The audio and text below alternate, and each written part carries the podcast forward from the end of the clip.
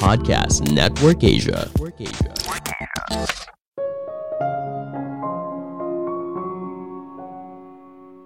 Bagaimana caranya lebih bahagia? Sederhananya, kamu harus merasa punya kendali atas hidupmu. Kamu menentukan hidupmu mau seperti apa. Ketika kamu merasa tidak berdaya atau pasrah, maka kamu akan semakin tidak bahagia. Halo semuanya, nama saya Michael. Selamat datang di podcast saya, Sikutu Buku. Kali ini saya akan bahas buku 59 Seconds karya Richard Wiseman. Sebelum kita mulai, buat kalian yang mau support podcast ini agar terus berkarya, caranya gampang banget. Kalian cukup klik follow. Dukungan kalian membantu banget supaya kita bisa rutin posting dan bersama-sama belajar di podcast ini. Buku ini membahas tips mengubah hidup di bawah satu menit. Apakah kita bisa mengubah hidup dalam satu menit? Mungkin kamu merasa waktu tersebut terlalu singkat. Apa sih bedanya satu menit dan tidak? Tapi, apakah kamu tahu kalau ada 40 jenis aktivitas yang bisa dikerjakan dalam satu menit dan punya dampak signifikan dalam hidup kamu? Misalnya, dalam satu menit, kamu bisa merapikan tempat tidur. Kamu bisa membersihkan kaca kamar mandi, kamu bisa menggunting kuku, kamu bisa memanaskan makanan di dalam microwave. Kamu juga bisa menaruh piring kotor yang ada di meja ke tempat cuci piring. Semua aktivitas ini mungkin terlihat kecil, tapi bisa membuat kamu bahagia dan menuntaskan pekerjaan yang sering kali kamu hindari. Penulis akan membahas bagaimana sebuah tips kecil dan sederhana bisa mengubah hidup seseorang secara signifikan, tapi tentu saja didukung oleh penelitian. Saya merangkumnya menjadi tiga hal penting dari buku ini. Pertama, apakah visualisasi bisa membantu untuk sukses? Jika kamu pernah baca buku pengembangan diri, mungkin saja kamu tahu soal visualisasi. Hal ini dianggap penting untuk membayangkan dirimu berhasil mencapai tujuan yang kamu inginkan. Namun dalam beberapa studi, hasilnya justru bertolak belakang. Dalam sebuah studi dari University of California, para siswa diminta untuk membayangkan selama beberapa saat setiap harinya, kalau mereka akan menerima nilai yang tinggi dan betapa senangnya perasaan itu. Sedangkan kelompok siswa yang lain tidak diminta untuk melakukan apa pun. Setelah mencatat berapa jam siswa belajar setiap hari, hasilnya siswa yang melakukan visualisasi belajar lebih sedikit dan memiliki nilai ujian yang lebih rendah daripada kelompok lain. Padahal latihan visualisasi hanya membutuhkan waktu beberapa menit saja. Para peneliti berasumsi kalau seorang yang sering berfantasi soal hidup yang hebat sering kali tidak siap apabila mengalami kemunduran sehingga mereka kurang keberanian untuk mencapai tujuan yang diinginkan. Jadi, apa yang sebenarnya efektif untuk membuat perubahan? Susun rencana. Penulis pernah melakukan penelitian yang mengamati 5.000 responden dengan berbagai tujuan yang berbeda, mulai dari turun berat badan hingga berhenti merokok. Mereka yang berhasil adalah mereka yang punya rencana. Tipsnya adalah memecah tujuan yang besar menjadi tujuan yang lebih kecil, lalu menuliskan langkah-langkahnya. Cara ini akan buat tujuan yang besar jadi terlihat mudah dicapai.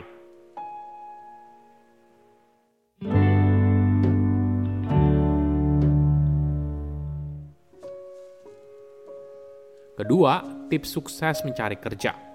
Mendapatkan pekerjaan impian boleh dibilang merupakan keinginan banyak orang. Kita berusaha mencari tips agar sukses interview, belajar keahlian baru, hingga berusaha bagaimana agar kita terlihat berbeda daripada orang lain. Tentunya, pendidikan dan pengalaman kerja merupakan faktor yang penting. Tapi untuk sukses dalam interview, biasanya justru lebih bergantung pada impresi si pewawancara kepada kamu. Penting untuk membuat si pewawancara suka sama kamu. Oke, gimana caranya?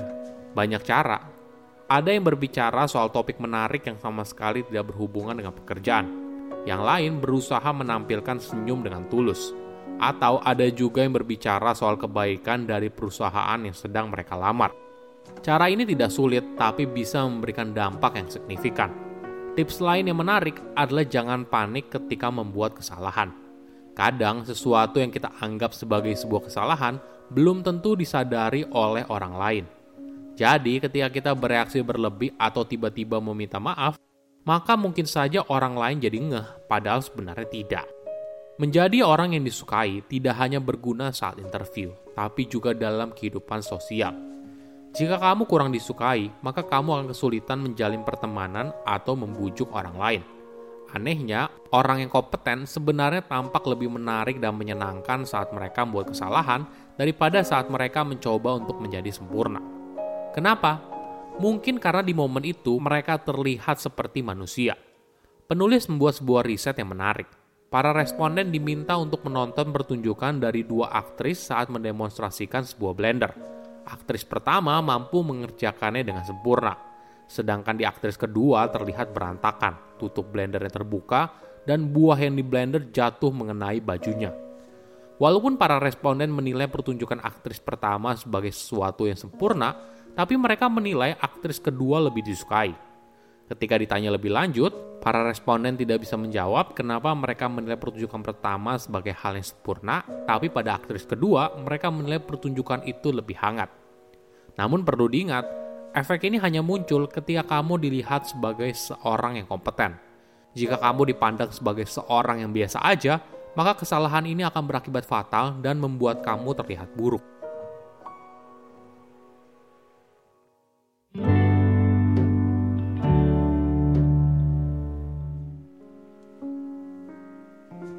Ketiga, kerja sendirian atau kelompok. Apakah kamu pernah diajak untuk brainstorming?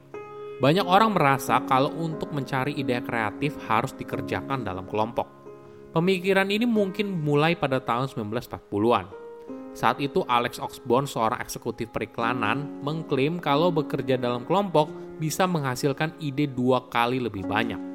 Padahal banyak penelitian justru menemukan sebaliknya brainstorming justru malah menekan sebuah ide kreatif daripada membentuknya. Kenapa? Pada tahun 1880-an, seorang insinyur pertanian dari Perancis meminta para responden untuk menarik tali yang dikaitkan pada sebuah beban yang berat. Ketika para responden bekerja sendirian, mereka mampu menarik beban hingga 92,5 kg. Sedangkan saat para responden digabung ke dalam sebuah grup, rata-rata hanya mampu menarik 70 kg per orang. Ketika seseorang bekerja dalam kelompok, maka tanggung jawabnya menjadi tersebar. Namun ketika mereka sendirian, maka sukses dan gagal berada di tangan mereka sendiri. Riset lain dari University of Kent di Canterbury juga mengkonfirmasi hal ini. Responden yang bekerja secara independen mampu menghasilkan kualitas ide yang lebih baik dan kuantitas ide yang lebih banyak dibandingkan dengan mereka yang bekerja di dalam kelompok. Oke, tapi apakah ada cara untuk membuat seorang menjadi lebih kreatif dan inovatif? Mungkin jawabannya ada di pikiran bawah sadar. Salvador Dali yang merupakan salah satu pelukis terpenting di Spanyol punya kebiasaan yang unik. Untuk menemukan sebuah ide lukisan yang baru, Dali akan berbaring di sofa dengan memegang sebuah sendok di tangannya. Ketika dirinya hampir terlelap, sendok akan jatuh ke lantai dan suara itu pasti akan mengagetkannya. Nah, Dali langsung mulai membuat sketsa ketika dirinya masih berada di dalam pikiran bawah sadar. Psikolog dari University of Amsterdam menemukan orang akan lebih kreatif ketika pikiran sadarnya terdistraksi. Sehingga di momen itu memberikan ruang bagi pikiran bawah sadar untuk menciptakan sebuah ide yang kreatif.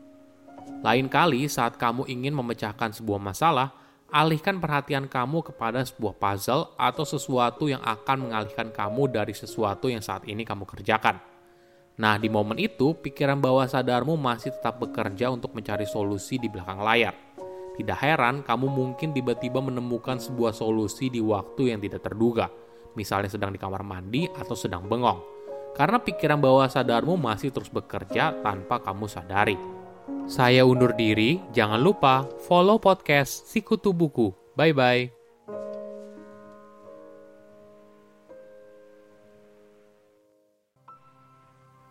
Pandangan dan opini yang disampaikan oleh kreator podcast, host, dan tamu tidak mencerminkan kebijakan resmi dan bagian dari podcast Network Asia. Setiap konten yang disampaikan mereka di dalam podcast adalah opini mereka sendiri dan tidak bermaksud untuk merugikan agama, grup etnik, perkumpulan, organisasi, perusahaan, perorangan, atau siapa pun dan apa pun.